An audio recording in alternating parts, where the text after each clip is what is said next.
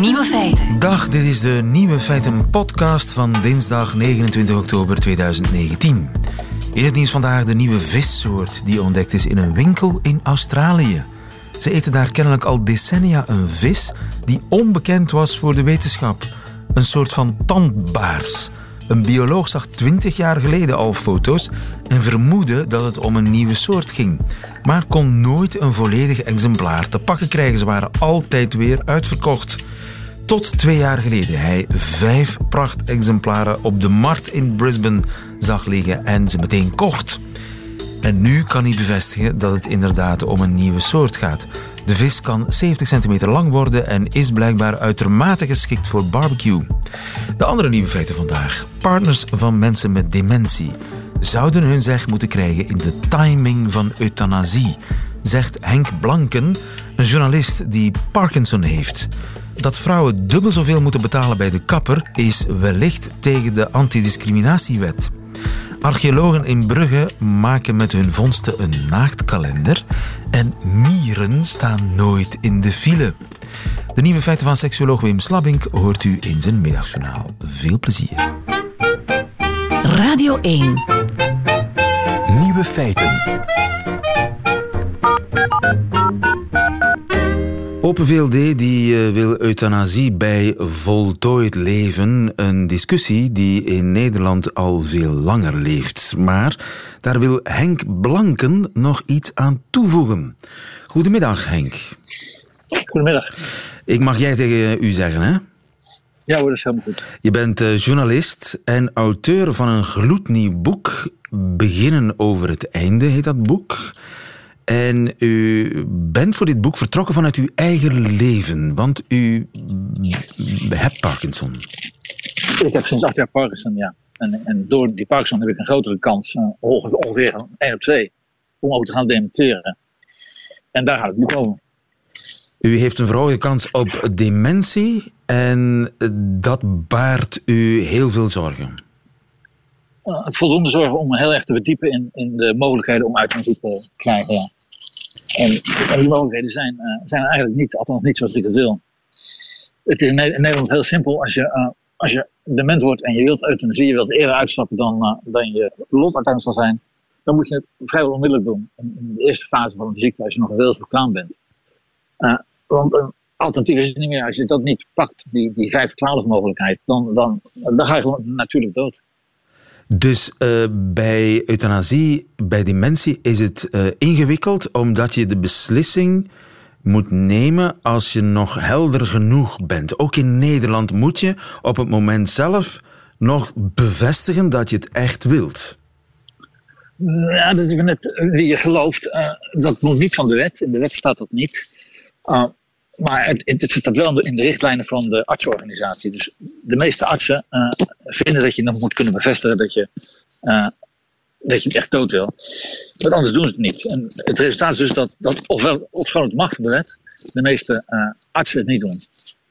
En u heeft daar een oplossing voor bedacht, namelijk dat uw partner uiteindelijk mag helpen.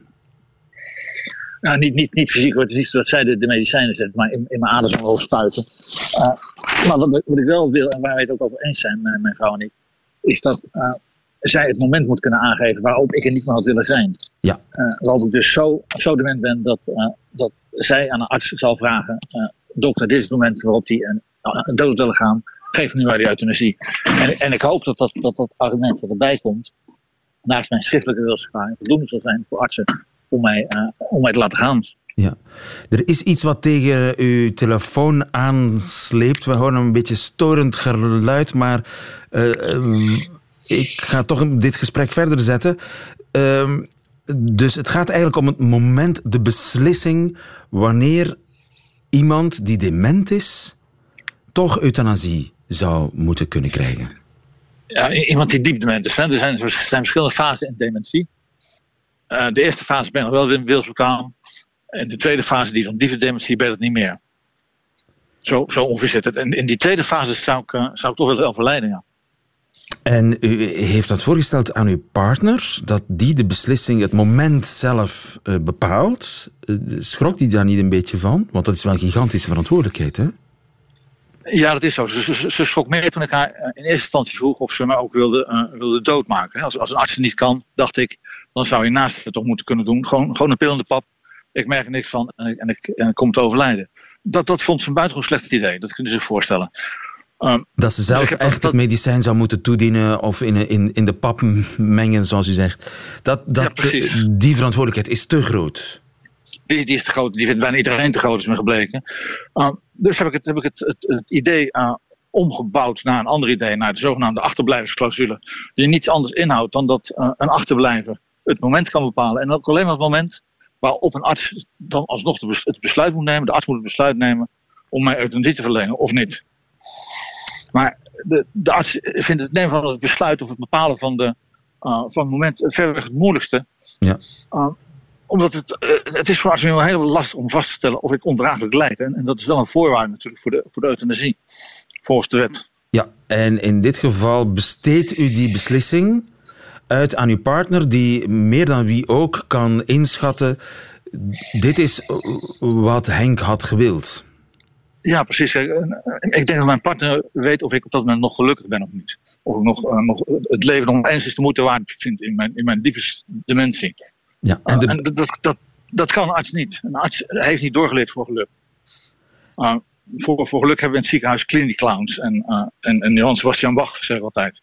Ja, Clinic Clowns en, Johan Sebastian Bach, die zorgen voor het geluk in het ziekenhuis. Maar wat er zich echt in een mens afspeelt, dat uh, weet uh, niemand beter dan uw partner. En uh, dus het feit dat uw partner de daad niet zelf hoeft te stellen, maar alleen de beslissing zou mogen nemen, dat is eigenlijk voor iedereen in uw omgeving, ook voor u en voor uw partner, een geruststellende gedachte. Ja, ik, ik, denk het wel. Ik, ik vermoed dat ook de artsen meestal willen werken. Niet, niet alle artsen hoor, hou me te goede. We hebben 60.000 artsen in Nederland en er zijn nu 15 uh, in dat voerstadium. Nee, in, er zijn nu 15 in het, in het late stadium uh, euthanasie. Dus een paar uh, witte raven, zeg maar. Dat zijn er te weinig. Uh, maar als er nou eens 100 worden, dan hebben we misschien het grootste probleem achter de rug. Ja, een achterblijvers clausule is een idee dat u oppert. Uh, is de kan, zijn er al reacties uit de politieke hoek bijvoorbeeld? Dat het eventueel te overwegen valt? Nou, uit politieke hoek nog niet. Maar, maar mijn boek, hè, beginnen over het einde, uh, heeft al wel de, de steun van het Humanistisch Verbond in Nederland. Uh, waardoor ik een, een, hele grote organisatie achter mij heb staan. Met, met die ik nu naar de Tweede Kamer kan, het parlement in kan gaan. En kan kijken wat ik daar kan bewerkstelligen. Ja. Het, het, is niet helemaal kansloos, gek genoeg. Wie weet. Parkinson is uh, een enge ziekte. Gelukkig kan u nog uh, heel lang door en heel lang helder blijven. Want het is pas in het allerlaatste stadium dat uh, de dementie toeslaat. Mag ik u nog ik vele goede jaren wensen, meneer Blanke? U vriendelijk bedankt. Dankjewel, Henk Blanke. Goedemiddag. Nieuwe feiten. Al een beetje in kerststemming, nieuwe feiten. Een nieuw feit is het niet, mailt Annemiek, maar ik heb het mij pas vandaag bij de kapper gerealiseerd. Dankjewel Annemiek voor je mail. Je mag overigens altijd nieuwe feiten signaleren. Discriminatie op basis van geslacht is verboden, schrijft Annemiek, maar toch betaal ik bijna dubbel zoveel voor mijn kapsel als mijn lief. Hoewel zijn haar langer is dan het mijne. Want vrouwen die betalen sowieso meer bij de kapper. Waarom eigenlijk? En mag dat wel? Goeie vraag, Annemiek. Goedemiddag, Francesco van der Jeugd. Goedemiddag, lieve en eh, beste luisteraars. Francesco, je bent parlementslid, burgemeester en ook kapper. Oorspronkelijk was jij kapper. Knip je nog veel overigens? Ik sta uh, af en toe wel eens in mijn zaak als mijn uh, uh, gerante er niet is of op vakantie is of zo. Dan zit ik nog wel eens met de vingers letterlijk in het haar. Ja. en hoeveel betaal ik bij jou? Wel, als het gaat over een effectieve knipbeurt, dan betalen zowel dames als heren 22 euro voor een knipbeurt. Oké, okay, dus mijn dus, vriendin betaalt evenveel als ik. Als ze dus, uh, dus enkel de knipbeurt bekijkt, dan is dat een gelijke prijs. Ja. Ze heeft wel heel lang haar. Ja, um, wat wel zo is, uh, en dat is zowel voor mannen als voor vrouwen, kan er een toeslag aangerekend worden. Het staat op onze website ook zo, dat er uh, een bepaalde forfait bij extra veel of dik haar wordt aangerekend. maar dus een basis, ja. een basis is gelijk voor mannen als vrouwen. En die toeslag, die forfait, is ook gelijk voor mannen en ja. vrouwen als er dan veel of extra of dik haar is. zou het kunnen? Want het is wel zo, dus een, een kappersbeurt die is eigenlijk berekend op het, op het tijdsduur dat je besteedt uh, aan het kapsel. En als je dan langer, uh, langer bezig bent dan, normaal, uh, dan de normale tijdsduur, tijdsbesteding, Ja, ja. dan wordt die forfait. Ja, het is dus niet zo dat iedereen sowieso 22 euro betaalt. Het, het hangt ervan af wat er nog allemaal moet gebeuren natuurlijk. Maar Achteraf, hè, dat heeft ja. niets met je geslacht te maken. Maar kennelijk ben jij toch de uitzondering, want ik zit hier een beetje rond te surfen. Ja. Uh, ik zal de namen niet noemen van de kappersketens, maar bijvoorbeeld een bekende kappersketen betaalt, daar betaal je 27 euro als man, snit en styling. 41, 41 euro voor snit en handdrogen vrouw. Dus 27 versus 41 voor ongeveer dezelfde behandeling. Een andere yeah. keten 30 euro wassen en knippen en afwerking als man. En als vrouw begint het bij 56. 30 versus 56. Dus ook weer bijna dubbel zoveel voor de vrouw. Dus dat is eigenlijk de regel. Dat ja, de prijs bepaald wordt op basis van gender. Hoe komt dat eigenlijk, denk je?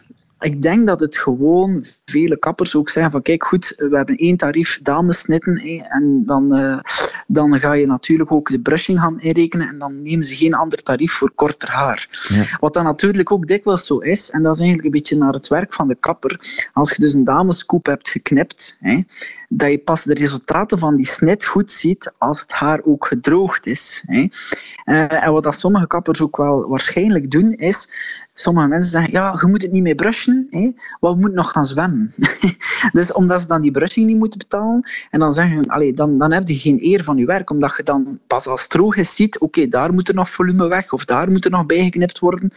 Allee, dat is anders natuurlijk. Dus ik denk dat daar de regel is, dat ze zeggen van, goed, we gaan daar geen aparte prijs nemen, um, omdat, omdat het totaalpakket aangeboden wordt. Ja. Of je het nu neemt of niet. Misschien is dat ook wel een reden waarom de anderen dan het eerder... Uh, maar goed, eigenlijk is het toch niet meer van deze tijd, hè? deze genderneutrale tijd, dat je sowieso als vrouw meer betaalt dan als man.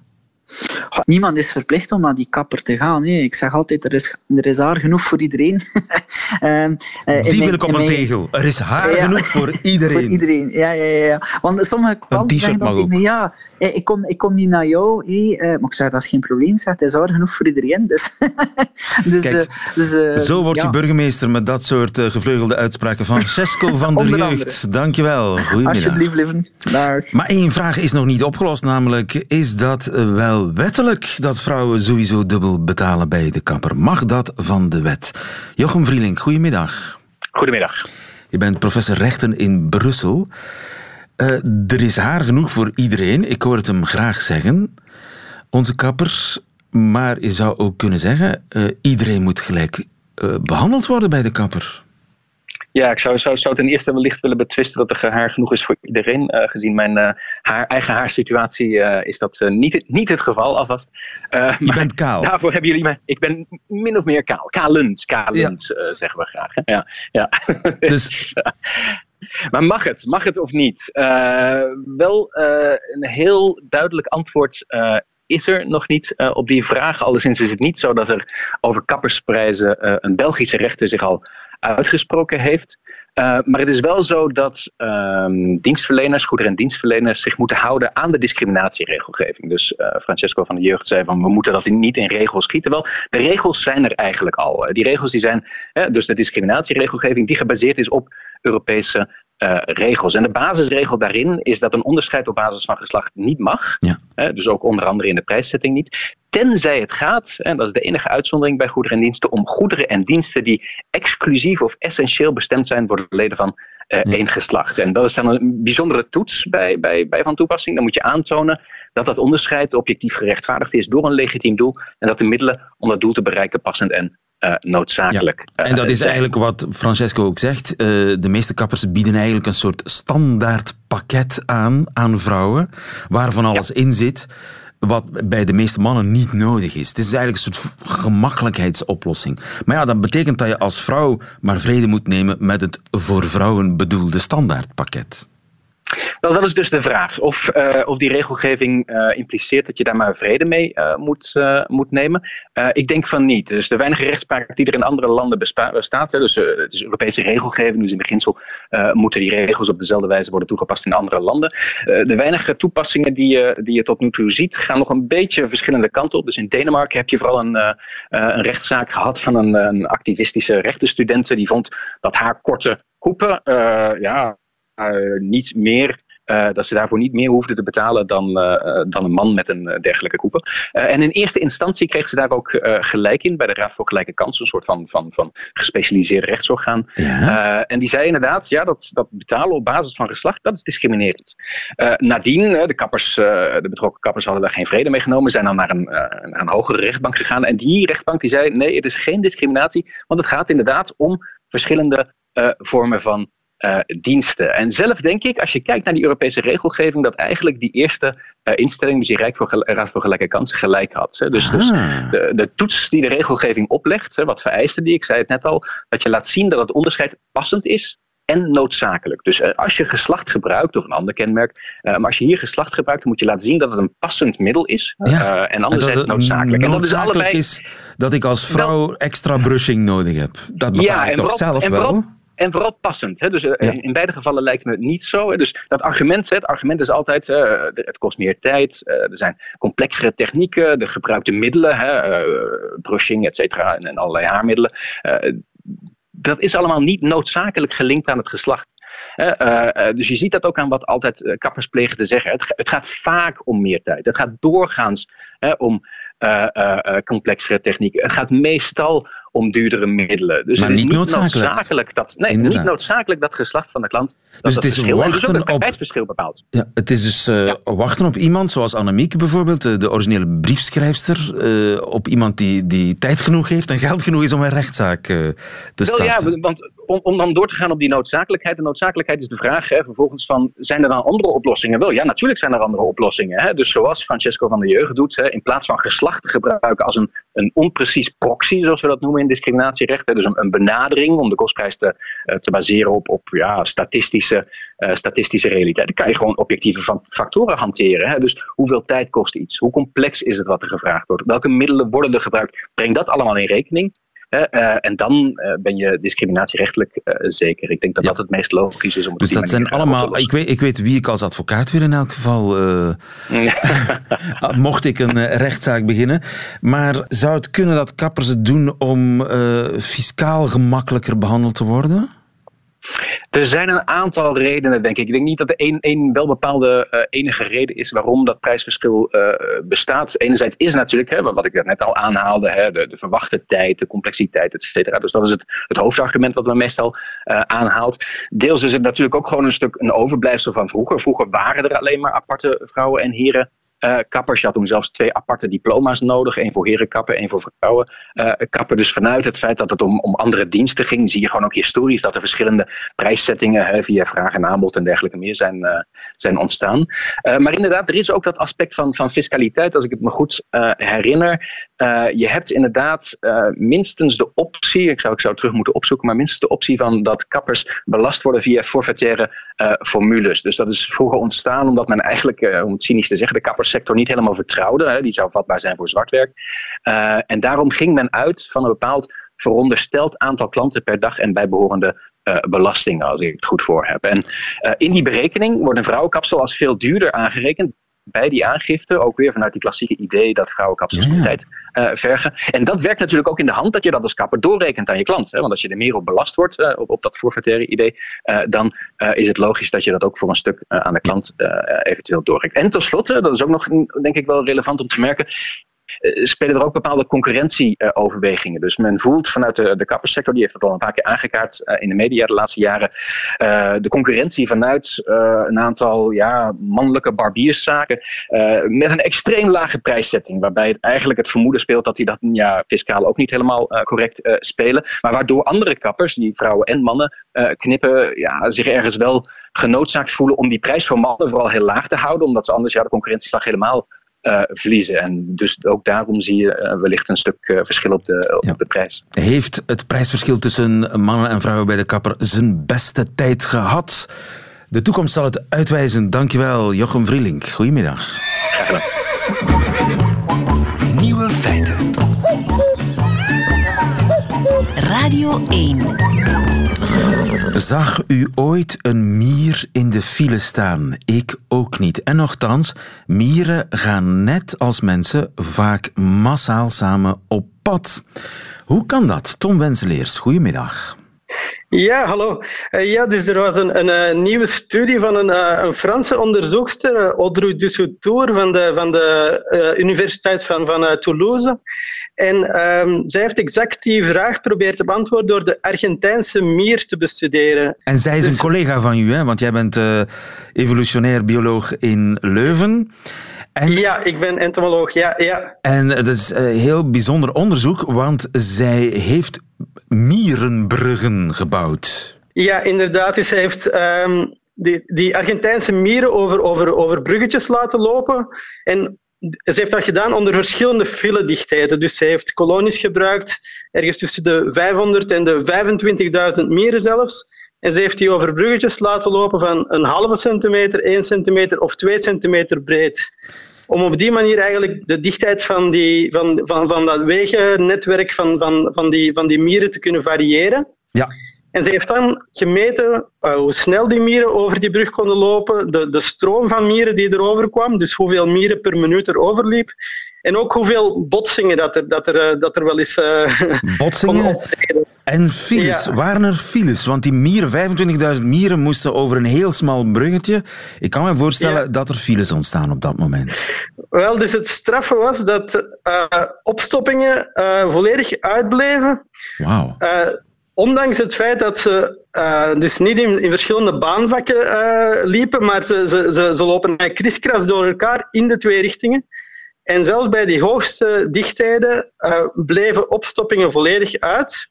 En, en dat was dus wat is hun geheim? Wat is dat mechanisme? Het, ja, het, het, het geheim was dat ze... Dus bij die hogere dichtheden botsten ze frequenter tegen elkaar op. Um, maar om die verloren tijd uh, goed te maken, gingen ze eigenlijk een beetje sneller lopen. dus uh, heel tegen-intuïtief, uiteraard. Uh, dus het is een beetje alsof dat we, als we uh, op de autostrade merken van oei, begint hier een klein beetje dicht te slippen het verkeer, beter een beetje harder te gaan rijden. dus ja, het is uh, die tactiek. Als we dat met z'n allen samen zouden doen, dan zou het misschien wel werken. Ja, gesynchroniseerd uh, zou het uh, inderdaad werken, maar dat is natuurlijk niet zo eenvoudig te klaren. Maar het is misschien wel een tip hier voor onze burgemeester hier in Leuven. Hè moest, uh, beste Mo, moest, uh, moest je luisteren. Dus die snelheidscamera's op de ring van Leuven, misschien laat ze helemaal weg en laat iedereen maar eens goed op de gaspedaal duwen. maar nee, het zou, het zou uh, vreselijk slecht aflopen. Ja, want er is iets wat een mier kan, wat een mens minder goed kan. Dat is namelijk onderling heel goed communiceren. Dus die mieren gebruiken een, een, een, een geursporen eigenlijk om dat allemaal te organiseren. Um, en ze, ze werken ook in een volledig gedecentraliseerde manier. Dus er is uh, niemand die van bovenaf, van bovenaf in, in zegt van wat ze moeten doen.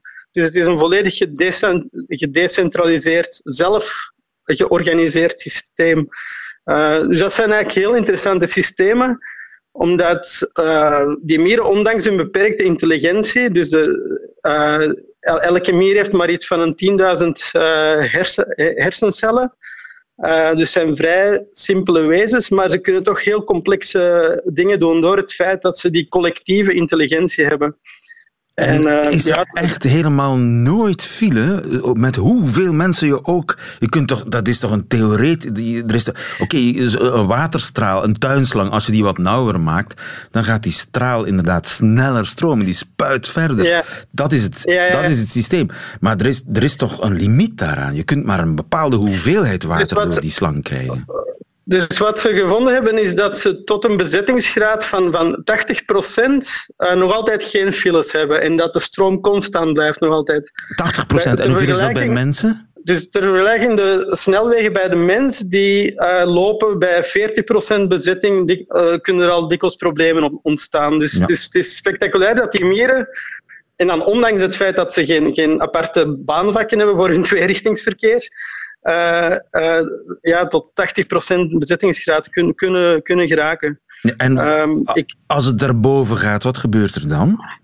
Ja, uh, dus uh, dat was eigenlijk uh, onderzoek gebaseerd op een, op een eerdere studie van, van diezelfde wetenschapper, maar, wetenschapster, maar samen ook uitgevoerd met een Duitse wetenschapper, Dilk Helbing. Dat is iemand die crowd dynamics en, en, en dat soort zaken onderzoekt. En daar hadden ze in gesuggereerd dat mieren ook een soort van verkeersagenten zouden hebben om het verkeer te regelen. Um, nu, ik vond dat persoonlijk een klein beetje overtrokken om het zo te noemen, verkeersagent Mieren. Uh, ik denk dat die Dirk Helbing daar een beetje vanuit zijn Duits perspectief redeneerde van ah, die iedereen in de pas laten lopen. Ja. Wij, wij Duitsers weten hoe dat moet. 1, 2, 3, politie.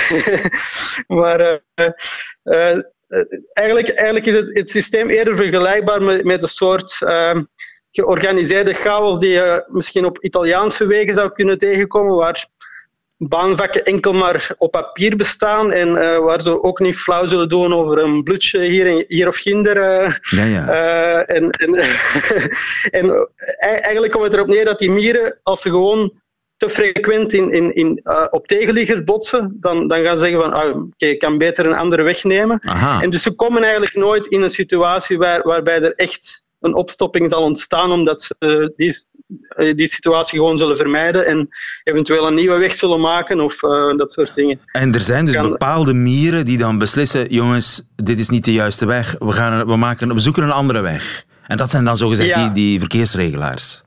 Ja, inderdaad. Ja, ja, daar komt het op neer. Dan maken ze gewoon een nieuwe weg. Uh, het grappige ja, is dat, uh, je zegt ze hebben 10.000 uh, hersencellen, maar blijkbaar zijn ze toch intelligent genoeg om bliksemsnel met elkaar te communiceren via die geursporen. Ja, dus dat, dat is het, het concept van die collectieve intelligentie. Nu is het, nu is het zo, als je, als je al de hersencellen van alle mieren in een hele mierenkolonie samentelt, dan kom je wel ongeveer op hetzelfde aantal als de hersencellen uh, bij de mens. Uh, dus ik kan zeggen dat op die manier eigenlijk een collectieve intelligentie eigenlijk nog wel uh, ja, formidabel kan zijn. En, en, en dat zie je in allerlei ja, ingenieuze strategieën dat ze geëvolueerd hebben over miljoenen jaren van, ja, van evolutie. Ja, al die mieren samen vormen een soort van brein. Ja, inderdaad. Uh, en en ze, ze leven eigenlijk allemaal in, in, uh, in, met het, het, het, het, nut van het, uh, het nut voor de kolonie eigenlijk voor ogen. Dus het, het individuele eigenbelang wordt uitgeschakeld in eigenlijk alles gebeurt in functie van het collectief. Ja. Um, en mochten wij en, mensen dat, dat, ook kunnen, dan stonden we ook nooit in de file. Tom Wenseleers, dankjewel. Goedemiddag. Ja, graag gedaan. Dag. Nieuwe feiten. Lieven van den Houten. De kerst komt eraan, nieuwjaar komt eraan, cadeautjes komen eraan, naaktkalenders komen eraan en het hoeven niet altijd pin-ups te zijn of sexy brandweerlui op die naaktkalenders. Het kan ook met voorwerpen uit de oudheid. Carolien Landsheren, goedemiddag. Goedemiddag. Carolien, je bent archeoloog bij uh, Raakvlak in Brugge. En jij bent de bedenkster van de allereerste archeologische naaktkalender. Hoe kwam je op dat idee? Nu, het is eigenlijk een idee van mezelf en mijn collega Jan. Wij, uh, als je daarnet sprak over pin-up kalenders en brandweerlui, wij hebben er zo een paar hangen in onze verkleedkamer. Tuurlijk. En uh, ja, wij dachten dan, Oh, dat is eigenlijk niet relevant. Waarom hebben wij geen archeologische kalender hangen? Een archeologische naaktkalender. Nu al heel snel zijn we van het idee afgestapt dat we zelf uit de kleren gingen gaan en hebben we gekozen om de objecten bloot te leggen. De objecten met iets naakts. Zijn er uh, pornografische, archeologische objecten? Bestaat het of bloot? Deden ze ja. aan bloot in de oudheid? Ze deden zeker aan bloot in de oudheid. Uh, erotische of, of, seksueel getinte objecten vinden we eigenlijk terug van, uh, vanaf de prehistorie al. Uh, maar zeker in de middeleeuwen waren ze enorm grote fan. Dus dan gingen mensen bijvoorbeeld met een, een pin, zoals we die nu ook dragen, een insigne, gingen ze dan op de kleren en dat was dan een insigne van bijvoorbeeld een fallusdier. Dus een pin met daarop een penis, dat droegen ze in ja. de middeleeuwen? Ja, absoluut. En zo'n voorwerpen worden regelmatig teruggevonden op archeologische opgravingen. Zelfs in Brugge? Zeker in Brugge, natuurlijk, als uh, wereldstad van de middeleeuwen. Juist, dat was het Parijs van toen, hè? Ja, ja. En penisinsignia. En wie liep, wie liep daarmee rond? En waarom? Hebben we daar enig idee van? Ja, zo'n um, zo'n voorwerpen die worden vaak uh, in associatie gebracht met ja, we, ja, langs de ene kant imponeergedrag, maar ook um, vruchtbaarheid, geluk, maar zeker en vooral met humor. We mogen niet vergeten dat mensen altijd al humor hebben gehad. Iets wat uh, vroeger grappig was, is dat nu soms zeker ook nog. We hebben bijvoorbeeld een van de objecten die op de kalender staat, is een uh, melkkannetje. Een melkkannetje. Een uit de 15e eeuw. Op zich niet zo grappig. Maar de schenktuit van de melkkan is in de vorm van een fallus. En uit die fallus wordt dus melk geschonken. Smaakvol. Hilari ja, hilariteit alom in de middeleeuwen en nu nog steeds heel grappig. Oké, okay, uh, dus penisinsignes, melkkannetjes met een piemeltuit. Een... Kun je nog sterker? Ja, um, we hebben ook uh, een paar tegeltjes van blote vrouwen. Dus die pin-up kalenders die opgehangen worden tegenwoordig. Die waren er toen ook. Maar die stonden op een tegel? Uh, die stonden op een tegel, Boekdrukkunst was er nog niet, dus het moest op een tegel. Het was op een tegeltje, ja. Wauw, en dus zo heb je twaalf goede foto's gevonden van twaalf ja, pornografische, oudheidkundige, archeologische voorwerpen. Inderdaad. Er zijn er nog meer in ons depot, maar we hebben er twaalf geselecteerd. De twaalf die we zelf het leukste vonden, die een beetje een combinatie waren van zowel mannen als vrouwen, als koppels, als uh, metaal, aardewerk enzovoort. Ja. Maar dat is dus voor de intrede van het katholicisme, of althans volgens de, de, de, de, volledige wijdverbreiding, als dat een woord is, van het katholicisme. Ja. Nu, het is vooral voor de preutsheid. Um, dus we hebben ook een object erbij uh, dat een klotendolk heet. Zo'n klotendolk omdat hij twee uitspulpinkjes heeft die uh, er als uh, balletjes uitzien. Nu, die klotendolk is altijd zo genoemd geweest. En dan, in de preutse 19e eeuw, wordt die plots een nierdolk genoemd. En veranderen de ballen in nieren? Of de naam verandert? De naam verandert, ja, Want het inderdaad. zit natuurlijk ook in de blik van de kijker. Ja, inderdaad. Het is een eh, archeologische naaktkalender. Waar gaat de opbrengst naartoe? De opbrengst is uh, in het kader van de warmste week en gaat eigenlijk naar een van de goede doelen in ons werkingsgebied. Wij houden ons bezig met onroerend erfgoed en een van de dingen die wij doen zijn archeologische opgravingen. En um, tijdens een van die archeologische opgravingen zijn wij in contact gekomen met VZW Uniek. En zij um, doen eigenlijk initiatieven en uh, zij geven zorgondersteuning voor volwassenen met een beperking. En daarom okay. geven wij aan hun onze opbrengst. Zeer mooi. De archeologische naaktkalender van Carolien Landsheren. Hoe en waar u die krijgen kunt, dat gooien we wel op onze site. Dankjewel. Veel succes, Carolien. Dankjewel. Dag. Nieuwe feiten. Radio 1. Dat waren de nieuwe feiten van 29 oktober 2019. Behalve die in het leven van seksuoloog Wim Slabbink. Dit is een middagjournaal. Nieuwe feiten. Middagjournaal.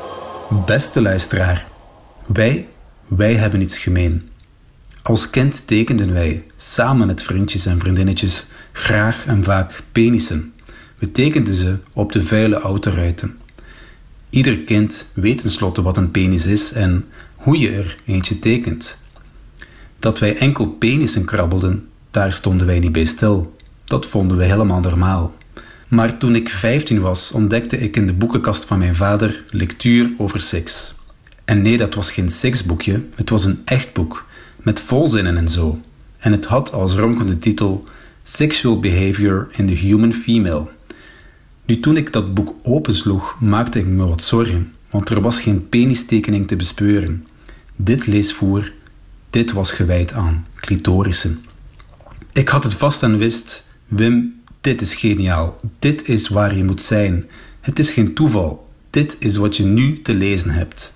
En het boek bracht op, niet in het minst voor mijn eerste liefje. Maar mag ik het vreemd vinden dat ik al lustig penissen tekende op autoruiten, maar nog nooit van een clitoris had gehoord? Ook vandaag worden clitorissen in onze cultuur nog steeds niet zo gewaardeerd als penissen, maar op andere plekken in de wereld worden ze wel best geprijmd. Neem nu bijvoorbeeld Oeganda.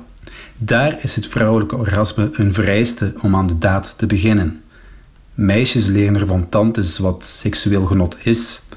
Erotische wijsheden worden er van generatie op generatie overgedragen.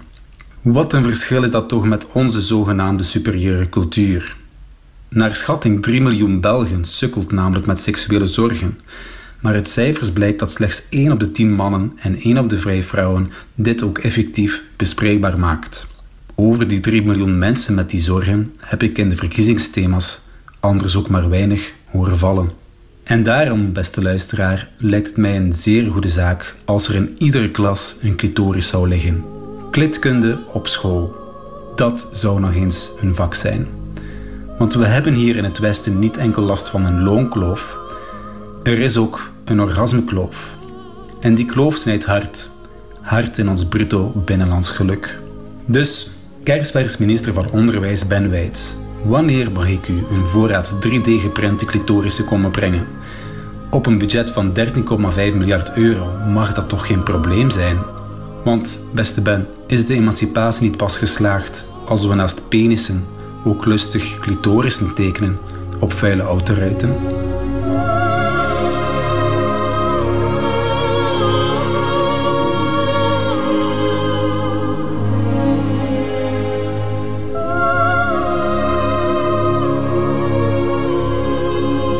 Seksuoloog Wim Slabbing verwacht dus een uitnodiging van het kabinet van de minister. Benieuwd hoe dat afloopt. Ben Wijts, hou ons op de hoogte, want we willen daarbij zijn.